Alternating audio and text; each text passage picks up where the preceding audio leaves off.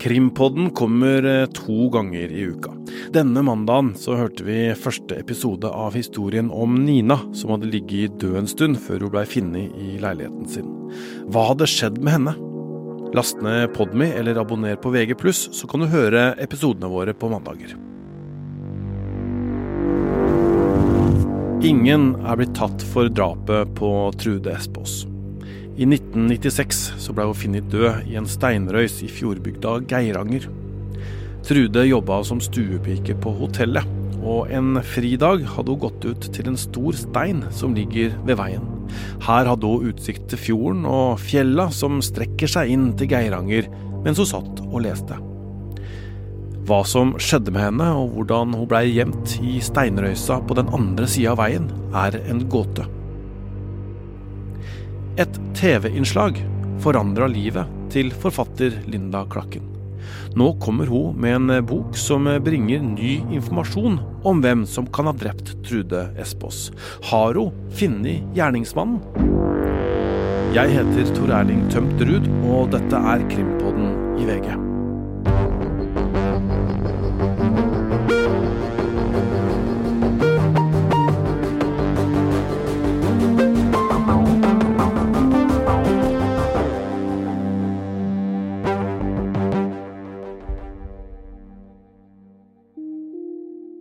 Geiranger må være et av Norges flotteste steder.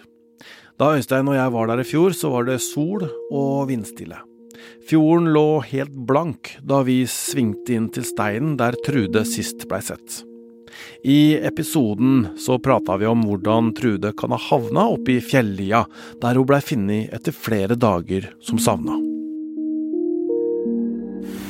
Jeg tror ikke det er så lett å finne det her. Det er vokst til. Det var vel dette er, jo, sånn- dette er jo steinrøyser, ikke sant? Ja. Fra ting som har sikkert dette ned fra fjellet her, da. Det er, det er store, grove steiner her. Og så er det jo veldig ulendt. Eh, Og nå ser vi opp på det eh, området hvor hun ble funnet.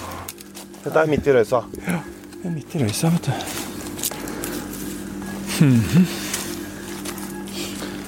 Nei, og da er vi jo tilbake igjen, da. Til det veldig gåtefulle her, ikke sant. Fordi at nå har vi gått opp den røysa her. Og jeg vil jo si det, Tor Erling, at for én person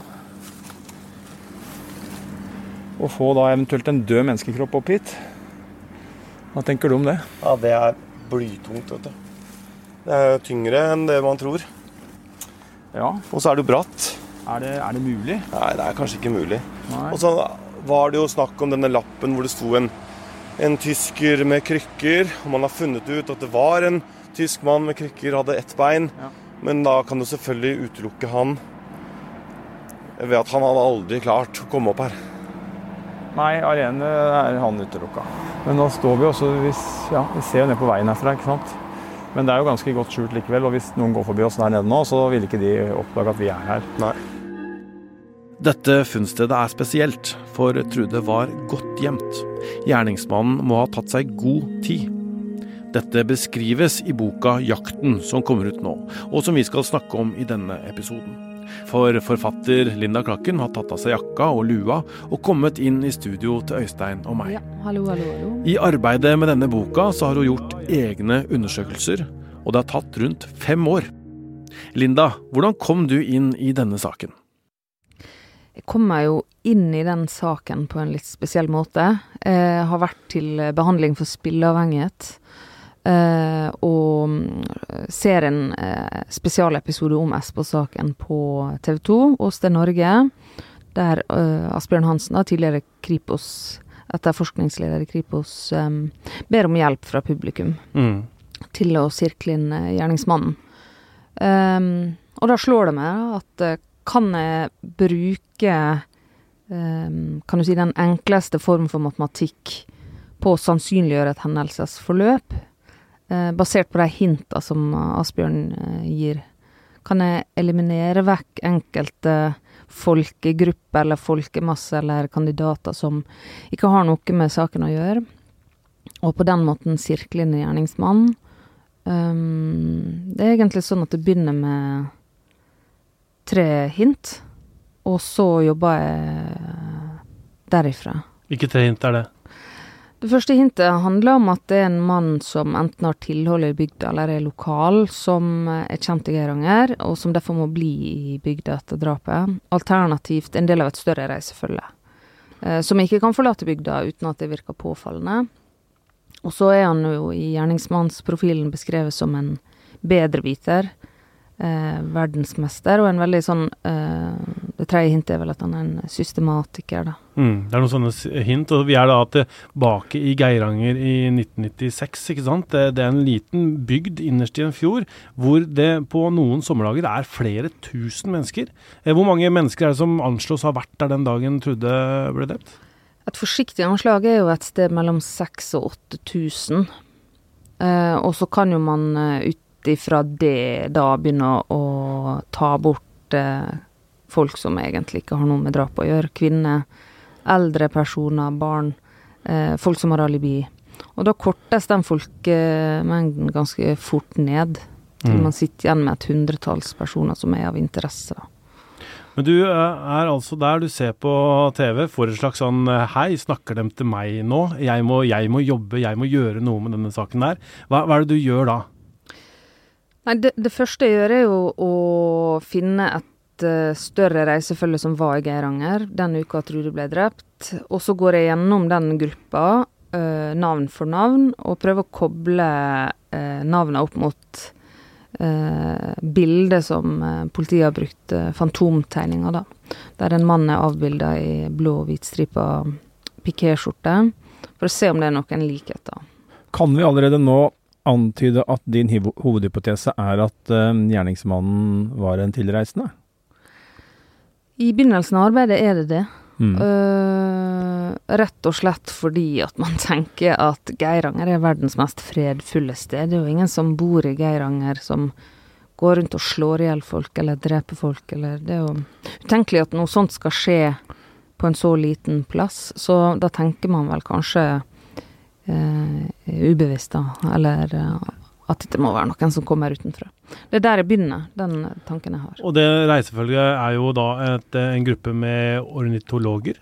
Altså fugletittere? Ja, i boka så har jeg anonymisert dem. Så jeg, eh, de tilhører jo en realfagsgruppe, og så kaller jeg dem ornitologer og sier at fagfeltet er sjeldne og utrydningstrua fugler. Mm. Rett og slett for å verne om de involverte. Da. Nettopp. Men det er iallfall en, en faggruppe da, som er, som er, på tur. Hvordan går du da fram for å, for å finne kandidater der?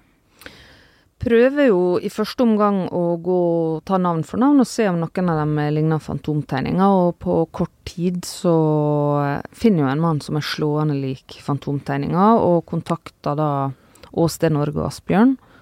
Um, og spør uh, Hei, sender en e-post til Åsted Norge. Uh, har, har, denne gruppa fått oppmerksomhet? Uh, har fått noe svar, selvfølgelig. Uh, og så blir jeg litt irritert av det, for jeg liker en god utfordring. Um, og så sender jeg rett og slett bare navnet hans og sier 'har han alibi?' Mm. Og da våkner jo Asbjørn. Mm. Så den samme kvelden så ringer han meg og lurer på hvordan i alle dager jeg har kommet frem til denne personen. Asbjørn Hansen, Øystein, fortell om han. Det er en svært erfaren eh, Kripos-etterforsker som nå er pensjonist. Han har hatt veldig mange store saker. Han har jobba med Baneheia, han har jobba med Orderud, han har jobba med Dereka-drapet i Son. Han har jobba da også med Geiranger-drapet, eller Espås-saken, som jo er en av de sakene som han ikke har uh, løst. Og så snakker du jo om en fantomtegning. Um, ta lytterne inn i hvordan den ble til? Jo, det har seg sånn at det er et uh, vitne som ligger ute på et svaberg som heter Notenge. Uh, et par hundre meter fra den utsiktssteinen der uh, Trude forsvant fra. Um, som da har et ubehagelig møte med en mann som er ekstremt innpåsliten, og som um, Ja, hun føler seg veldig utsatt i møte med han. Dukker han bare opp? Han dukker plutselig Hun ligger og soler seg i bikini, og så når hun setter seg opp og, og åpner øynene, så sitter han rett bak henne.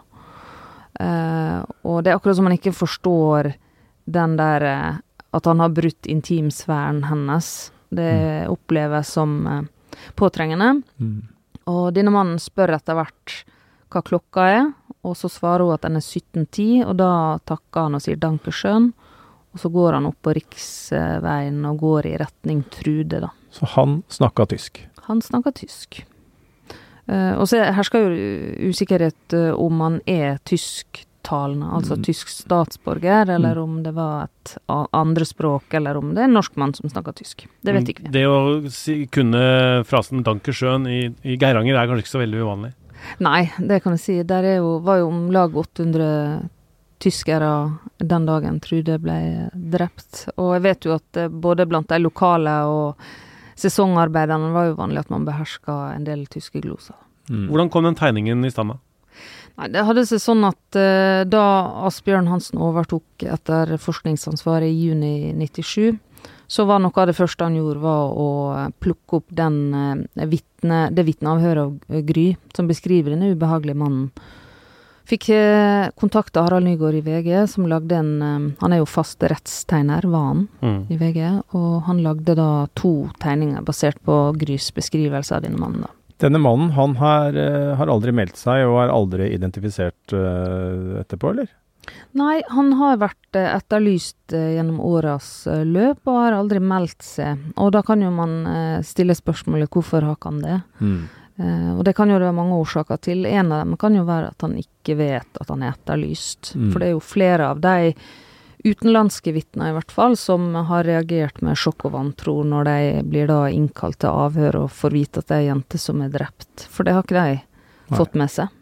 Nei, og det er jo typisk, uh, bare for å Vi har vært der, Tor Erling, ikke sant. Det er jo at det kommer jo folk inn, og de er der kanskje i en eller to eller tre dager, og så drar de jo videre, og de bringer jo ikke med seg noe de holder ikke noe oversikt over hva som har skjedd uh, mens de har vært der, hvis de ikke har fått det med seg og spiller norske aviser. Og det er jo mange ting som gjør at det, uh, dette er jo et veldig sånn gjennomtrekksområde, ikke sant? Mm. hvor du kommer, er der og drar. Og når du drar derfra, så ja, er det ute av syne, ute av sinn. Ja. Og det kompliserer jo den saken her veldig. Mm. Uh, at det er sånn gjennomtrekk disse dagene. og på den tida der så var det jo også mindre muligheter til å spore elektroniske spor, og det var en annen tid, som jo kompliserer det ytterligere. Mm. I hvert fall så responderer da Asbjørn Hansen på den uh, meldinga di. Uh, og dere har jo på en måte kunnet spare litt uh, i din uh, undersøkelse i denne saken her, da. Og uten å avsløre helt hva du fant i boka, så kan du ikke fortelle litt hvor langt kan du ta dette internasjonale sporet? Nei, altså vi prøver jo i første omgang å la de to hovedvitnene i saken, dvs. Si Gry da, på det svaberget, og etter hvert svenske Roine, som mener han har sett en person oppe i skogen med Trude, få se bilder av um, den personen som jeg da kaller Willy, da. Mm. Uh, få se bilder av han på nytt i en for, forstørra og forbedra utgave. Mm. Uh, hun drar kjensel på han, men med 50-60% margin. Um, og så prøver jeg å koble han opp mot andre saker i utlandet, men det er jo sånn dessverre slik da at det, vold mot kvinner og drap det, I de byene vi undersøker, så skjer jo det i hundretalls hver måned. Så det er nesten umulig å nagle han til åstedet, da. Så selv om vi finner saker som kan være av interesse, så sier jo Asbjørn på et tidspunkt at Trude ble drept i Geiranger, åstedet er i Geiranger. Så da vender jeg jo tilbake dit. Og så etter hvert så eh, graver jeg jo og finner ut at Willy eh, ifølge kilder skal ha blitt arrestert da i en europeisk fjellandsby i ørkenlandskapet. Og da er det jo også spørsmålet hva er han arrestert for? Mm. Du drar du for å finne ut? Jeg gjør jo selvfølgelig det. det må man. Um, og tar meg sjøl i å stå inni en stor glassbygning midt i ingenmannsland i en liten fjellandsby. Da har de et tinghus der, da, som er en stor, som en stor diamant mm. i ørkenen. Um, der jeg prøver å få kontakt med ei gammel dame som jobber i arkivet i den fjellandsbyen, for å få se arrestasjonsloggen. Mm. For å se om navnet hans står der. Det er jo en sak som da eh, utspiller seg to år etter jeg tror det Espås er drept. Så det er viktig eh, å finne ut det i forhold til om det, om det har skjedd en sedelighetsforbrytelse der. Så er jo det grunn til skjellig mistanke i Espås-saken. Men, Men eh, det får vi jo aldri helt svar på, da. Nei, men du vender iallfall da tilbake til Norge, både fysisk etter hvert, men også blikket. Eh, eh, dette åstedet som, som, vi også har vært på, Øystein. Eh, vi hørte jo at det er en eh, steinrøys, og det er vanskelig å, å ja, manøvrere seg rundt der, egentlig. Hva vil du si om det, Øystein? Nei, det er jo et uh, veldig spesielt åsted i den forstand at det er veldig ulendt der. Uh, det ligger jo ikke langt fra, fra veien, men Samtidig så vet vi jo at det var mulig å gjemme et eh, lik der så godt at man jo eh, overså det og måtte lete å si Det tok tid før man fant det. Um, og, så er er det jo det som jo fascinerte meg, og fortsatt gjør det veldig, er jo denne steinen på den ene sida, og så den steinura på den andre. Og så er det dette med veska, uh, som jo lå der. Um, det er jo en uh, gåte i gåten. Eh, og det er jeg veldig spent på å høre hva du eh, tenker om, eh, om, om akkurat det. Ja, det er jo sånn at Trude ble jo meldt savna fredag morgen i halv ti-tida. Uh, og det var ingen spor etter henne. Man leita gjennom uh, garasje og uthus og i skog og, og, mark og langs riksveien til og fra bygda. Og man leita i fjellet, og man leita overalt, og det var ikke spor etter henne. Um, det var mannskap fra Røde Kors, og det var um, ansatte på hotellet, og det var frivillige som var med og leta. Og så er det jo sånn at personer da som har vært på stein og leita både på fredag, uh, hele fredagen, uh, ikke ser noe væske der. Mm. Dagen etter hun er forsvunnet. Mm. Men så lørdag uh, formiddag så dukka det opp et vitne som kommer bærende med denne veska opp til hotellet der politiet har base, og sier at 'se, jeg fant ei veske'. Det må jo være den savna jenta si, si veske. Mm. Og da har ikke den ligget på steinen dagen i forveien, da mener man. Men det som kommer frem, er jo at man mener at den personen som har leita på steinen, sier sjøl at han har vært så opptatt av å se etter et menneske i terrenget rundt at han har ikke lagt merke til om der lå noe væske. Um, og så har jeg jo vært på den steinen fire ganger eh, siden, og mener jo helt klart at det er ikke til å unngå å se at der ligger ei veske. Og det ligger ikke bare ei veske der, mm. men det ligger også da ei bok mm. ved siden av. Og det som jeg syns er interessant der, er at den boka ligger med eh, permen ned. Altså hvis du er en person som sitter og leser og blir avbrutt i lesinga, så er det vel kanskje ikke den veien du legger boka, for da vil jo sidene blafre av gårde. Det er et annet vitne som sier han var der torsdag kveld, han, og filma på steinen. Ja. Og han så ikke noe væske der heller. Da heller. Og det er jo et, rett etter at Trude blir drept. Mm. Um, og politiet konkluderer med at uh, han var for opptatt av å filme, så han mm. har sikkert ikke sett det. Det, er, det, er, det blir for Eller det, blir for, det forblir et mysterium, det, da. Det gjør uh, absolutt det, mm. og uh, jeg har ikke noe grunn til å tvile på at folk har gjort sitt beste når de har leita og sånn, men jeg syns det er litt påfallende. Og man kan jo bare spekulere i om gjerningsmannen har tatt veska med seg og lagt den tilbake, men så vil jo spørsmålet være hva, hva skulle i så fall motivet for det være, da. Mm. Mm. Du beskriver funnstedet i boka di også, um, på en måte som tyder på at det har blitt brukt en del tid der. Eh, det er eh, tildekka med eh, steiner, som, som vi veit fra saken. At, at Trude ble tildekka av steiner, og innimellom steinene så er det også putta mose. Mm. Brukt veldig lang tid. Hva, hva sier det deg? Nei, dette handler jo om en person som da har lagt et femtitalls steiner foran ei relativt smal åpning. Den tyngste var 110 kilo. Så det er en uh, gjerningsmann av et visst kaliber, eller fysisk kaliber, da. Uh, og så er det jo et eller annet med at jeg uh, syns det er også interessant at du har en person som tør å oppholde seg så lenge på uh, åstedet. Mm. Og så kan jo man argumentere for at jo lenger du er på åstedet, jo mindre sjanse er det for å bli tatt. Det er jo lett å tenke at jo lenger du er der, jo større sjanse er det for å bli oppdaga. Men han har på en eller annen måte klart å være kald nok til å tenke at jeg har kontrollen. Så han, um, han tør å være der og, og gjøre det stykket arbeidet. Og det, det som jeg kanskje syns er rarest, er jo at han har brukt så mye tid på den, det steinteppet, da, den perfekte mosaikken som er så godt laga, til og med hundene gikk forbi. Men skoa har han bare slengt fra seg mellom noen steiner. Mm. Så da er jo spørsmålet om han kan ha blitt avbrutt, eller om man er der i to ulike moduser, at han vender tilbake til åstedet og Oi, skoa! Slenger det inn, eller Det får jo ikke svar på. Nei. Du lanserer jo da også en, eh, en, en lokalteori, da, kall det det. Eh, fortell om det. Ja, det, etter hvert som jeg får innsyn i saksdokumenter, så leser jeg da om lag 3900 vitneforklaringer og begynner å gjøre meg opp vurderinger sjøl. Tegne opp tidslinjene på nytt. Eh, og dreier da i større retning mot at eh, det må være en, en annen mann en enn mannen på fantomtegninga som, som, er gjerningsmannen. Rett og slett fordi jeg har kilder på Meteorologisk institutt som hevder at bildet, det siste bildet som er tatt av Trude, er tatt langt seinere, da, enn politiet først anslår. Eh, og så er det tre uavhengige vitner som eh, beskriver en mann sammen med Trude. Eh, de beskriver han helt eh, annerledes enn mannen på fantomtegninga. Mm.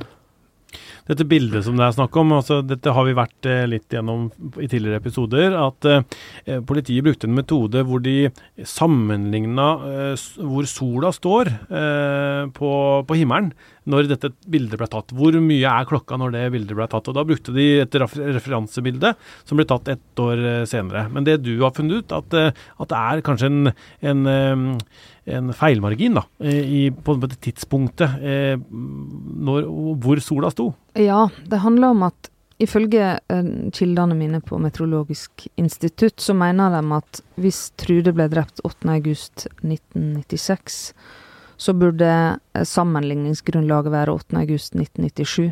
For da er det bare et minutts forskjell i sol og skygge. Så det er jo minimalt.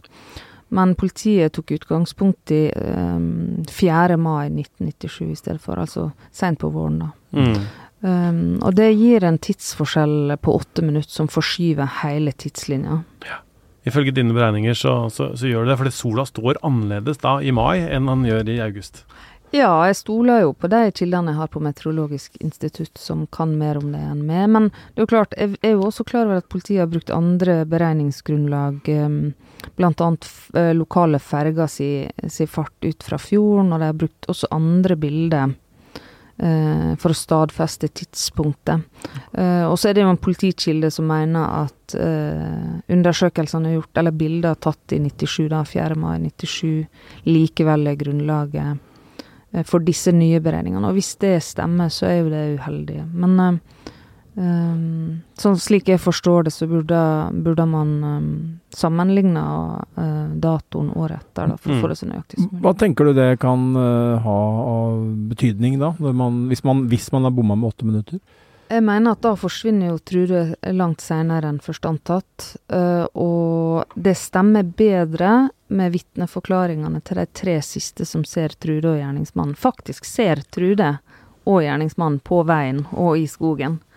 Og jeg fester større lit til uh, disse tre vitna uh, og den nye tidslinja da enn den um, fantomtegninga. Så det er jo også grunnen til at det da vender fokuset fra fra Fantomtegning og Willy og mot den kandidaten jeg kaller Buksemannen. Mm. Vi må bore litt i disse to kandidatene, syns jeg. Eh, for da har vi en, eh, kall han, eh, han altså Den første, han med fantomtegninga, han som, Willy, som, duk, Willy, som, dukker opp uh, hos denne dama som soler seg. Mm. Og så har du da den kandidat nummer to, som er en mann som vitner har sett sammen med Trude. Som, så, men har de sett ham sammen med Trude, eller ja. er det noen, en kvinne som de mener kan være Trude? Jeg mener bestemt at i forhold til klokkeslettet så må det være Trude, i og med ja. at hun blir beskrevet med rød T-skjorte og samme bekledning. Og ta oss igjennom hva som skiller disse to, og argumentasjonen for hvorfor du tenker at det ikke er samme mann.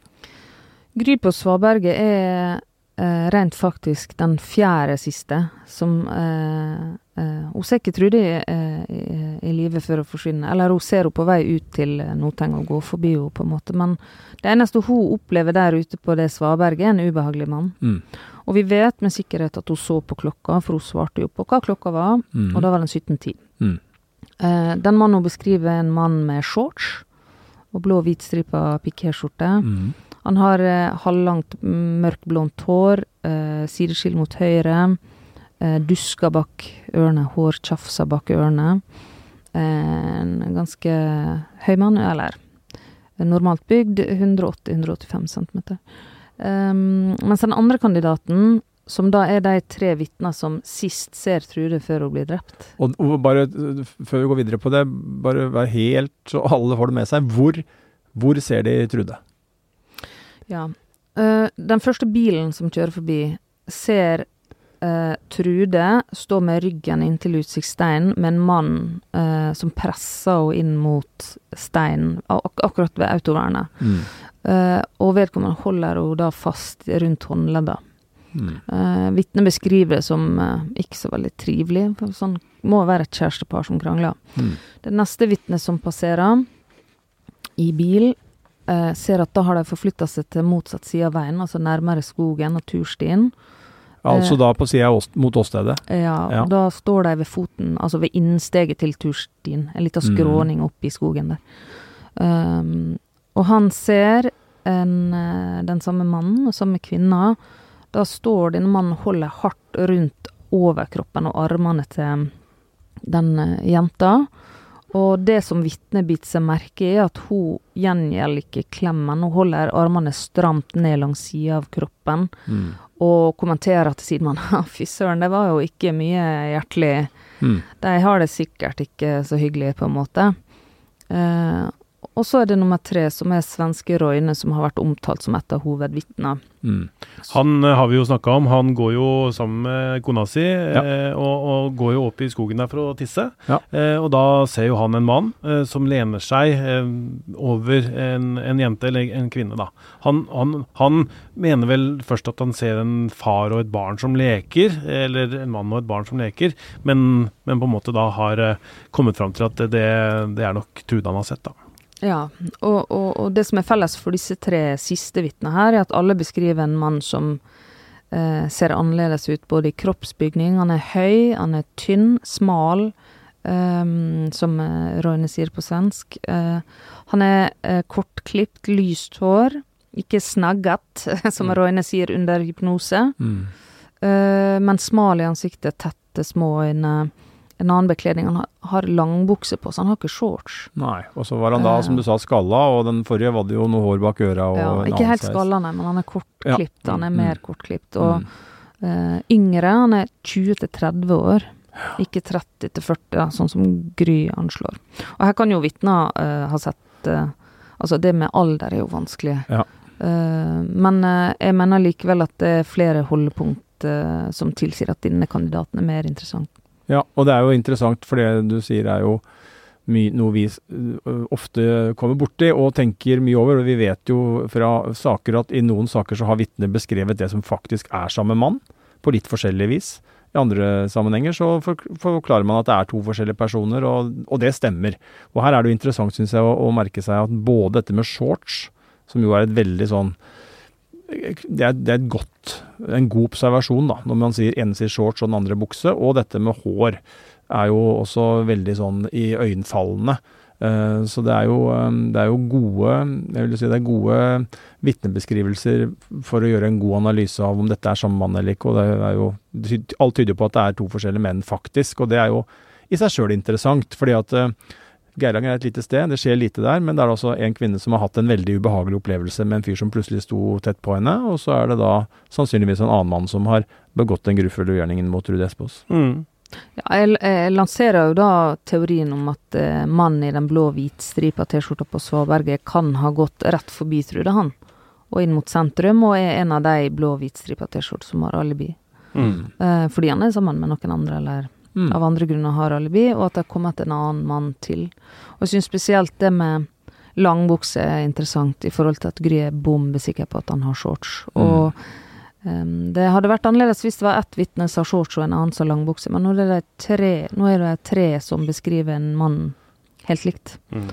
Uh, har, du, har, du, funnet ut hvem den mannen er, eller?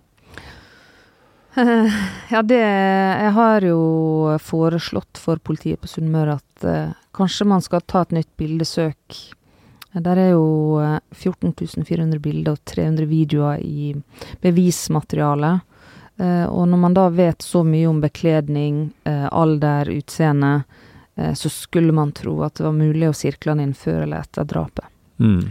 En ting som eh, vi snakka om i, da vi hadde en episode om Trude Espås, og som vi også har snakka om i mange andre saker nå, er jo eh, ny teknologi når det gjelder DNA. Um, her, I denne saken så, så finnes det også uh, DNA-spor. Um, fortell om, uh, om du tror at det kan løses nå. Nei, jeg tror uh, man må jo vente på ny teknologi for å hente ut mer uh, DNA-materiale av uh, det biologiske materialet som foreligger. det er sånn jeg har forstått det per dags dato ganske vanskelig. og så er jo hår et vanskelig bevismateriale, gitt det er flyktig, på en måte. Det ligger hår i denne saken? Ja, mm. det gjør det. Og et, jeg vet jo da at politiet har undersøkt fem hår som er henta fra gressbakken tett på turstien der um, hårspenna til Trude ble funnet. Um, og lagt vekt på dem fordi de er fem like hår. Og så har de da leita andre steder på åstedet og på Trude for å se om de finner hår der som har likheter til disse fem håra. Og der er jo jeg litt opptatt av at jeg forstår at man undersøker disse fem håra fordi man kanskje antar at her har selve forbrytelsen funnet sted. Da og at et åsted er noe annet enn et funnsted. Mm. Men jeg mener likevel at Trude må være det viktigste åstedet for avsatt biologisk materiale, og at der er, som jeg nevner i boka, så er det en eh, sokk som er vrengt, der det er funnet ti hårstrå totalt på sokkene hennes, der ni av dem har samme MTDNA som Trude. Men så er det ett som er annerledes. Mm. Og eh. hvordan havna det strået i hennes sokk? Ja, det kan man eh, diskutere frem og tilbake. Eh, som sagt så er jo hårså veldig upålitelig. Man kan jo nesten dra på seg hårså på, på, på, vei til og fra butikken, på en måte. Men, men um, jeg har vel diskutert det mye med Asbjørn òg, at det må nå være et uh, voldsomt gjenstridig hårstrå, det da, som på en måte har vært med henne til og fra butikken og sittet med hælene. Hun hadde jo åpen hælkappe på skoen. Mm. Sittet med hælene mot utsiktssteinen og rørt på seg.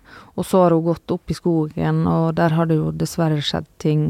Um, og blitt frakta opp i steinrøys. Hvordan har dette hårstrået klart å klore seg fast hele den tida? Med mindre da at det har falt etter at drapet har eh, blitt begått. Og eh, venstre fot eh, lå jo også da lengst inn under steinen, så sjansen for at det da er kriminalteknikere som som har uh, mista det håret, eller noe av sitt eget hår, holdt jeg på å si, på, på Trude. Det minimalt. Er det undersøkt i noe særlig grad? Nei, det, det kommer jo ikke frem av saksdokumenter, mener jeg. Sånn som jeg og de DNA-ekspertene jeg har rådført med meg som også har lest Krimtek-rapportene og de rettsmedisinske rapportene. Det, vi, det, det ser ut som, er at uh, alle hårstrå som er funnet på Trude og resten av åstedet, da ikke er testa opp mot de 486 vitner som det er tatt hårprøve av. Mm. Hvis det skulle vise seg at politiet har gjort det, så kommer ikke det frem av uh, saksdokumenter, som for øvrig også da mangler en del uh, viktig dokumentasjon. Blant annet er det ingen oversikt over hvilke vitner som det er tatt hårprøve av, og jeg vil jo også si at uh, bildematerialet som er skanna i saksdokumenter, er til dels ubrukelig, da. Mm. Så vi kan jo håpe at politiet nå er i gang med en ny digitalisering, sånn at det er mulig å, å fastslå om uh, man kan finne buksemannen på, på bildet. Hvordan har politiet reagert på ditt arbeid da, og på boka som kommer? jeg vil vel si at de med rette i begynnelsen har reagert med skepsis. Politiadvokat i Ålesund har vel uh, Ja. Det, det, er mange som kontakter han og, og deg og har teorier og sånn, men uh, uh, Asbjørn sin faglige tyngde og erfaring tilsier jo at man på en måte kanskje lytter, litt ekstra til han. og så er det jo også sånn at de har vært lydhøre og behjelpelige i forhold til samarbeid med ambassaden i utlandet i den utenlandske saken. da. Eh, arrestasjonen. Eh, og ellers så opplever vel eh, at tilbakemelding er at de følger opp DNA-sporet, men ja Om jeg får lov å bidra med innspill om de norske kandidatene er ennå ubesvart. Så jeg får jo håpe at jeg kan eh, belyse viktige aspekt ved saken på en måte som gjør at de gjør nye undersøkelser. og det, Utover det så stoler jeg på at politiet vet hva de holder på med. Hva skal, hva skal til da for å DNA-sporet, for at det kan løse saken? Ny teknologi for å få mer ut av den, det sporprøven man har funnet på Trude?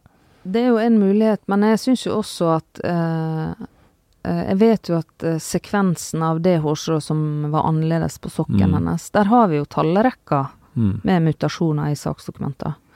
Og så skulle man tro at man har tallerekkene med eventuelle mutasjoner fra de 486 vitnene et eller annet sted. Det ligger ikke i saksdokumentet, i hvert fall.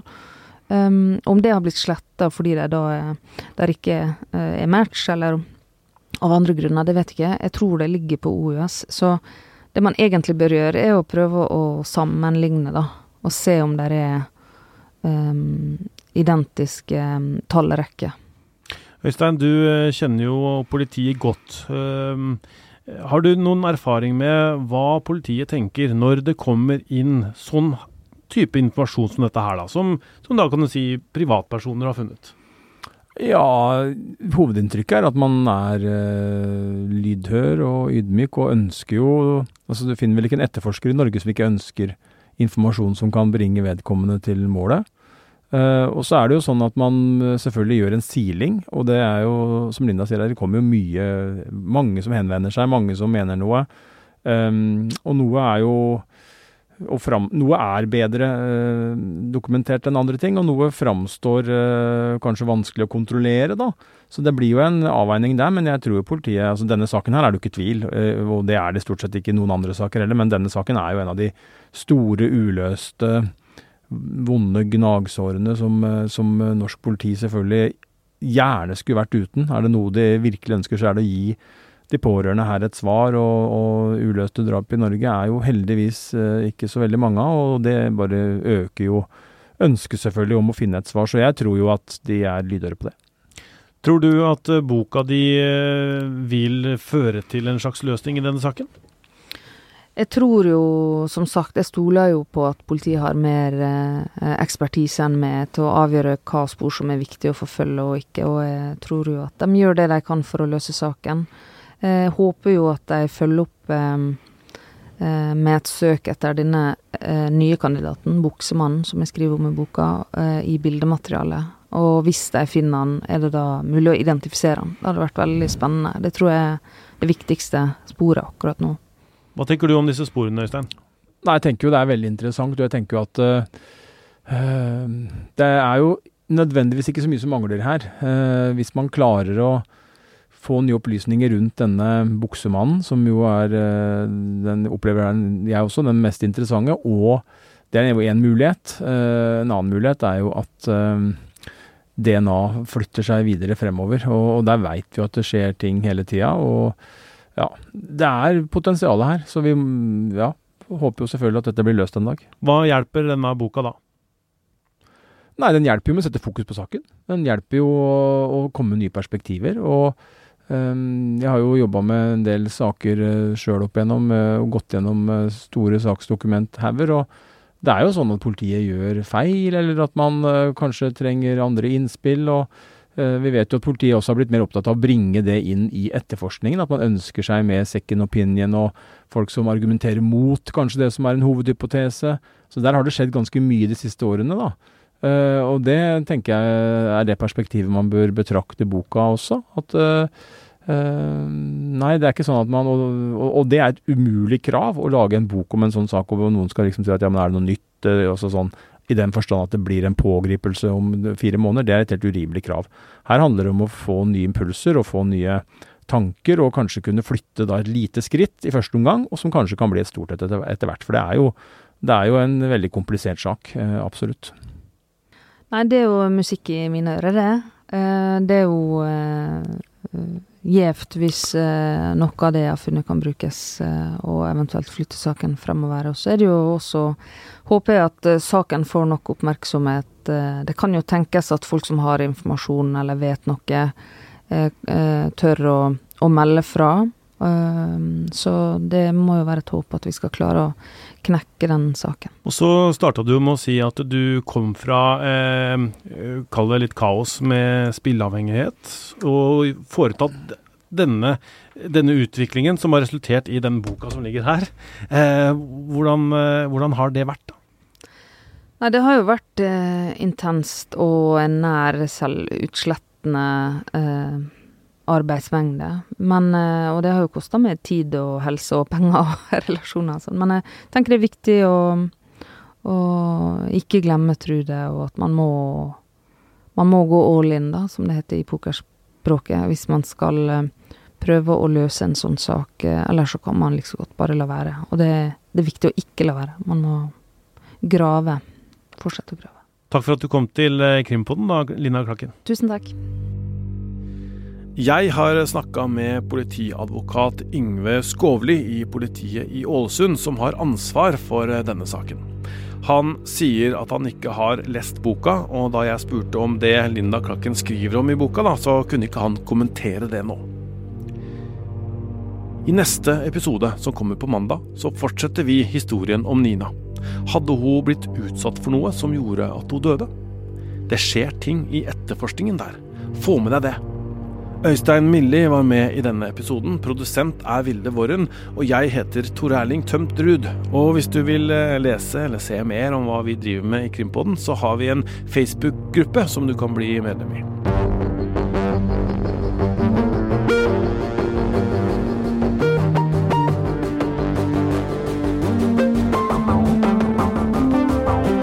Du har hørt en podkast fra VG. Ansvarlig redaktør, Gard Steiro.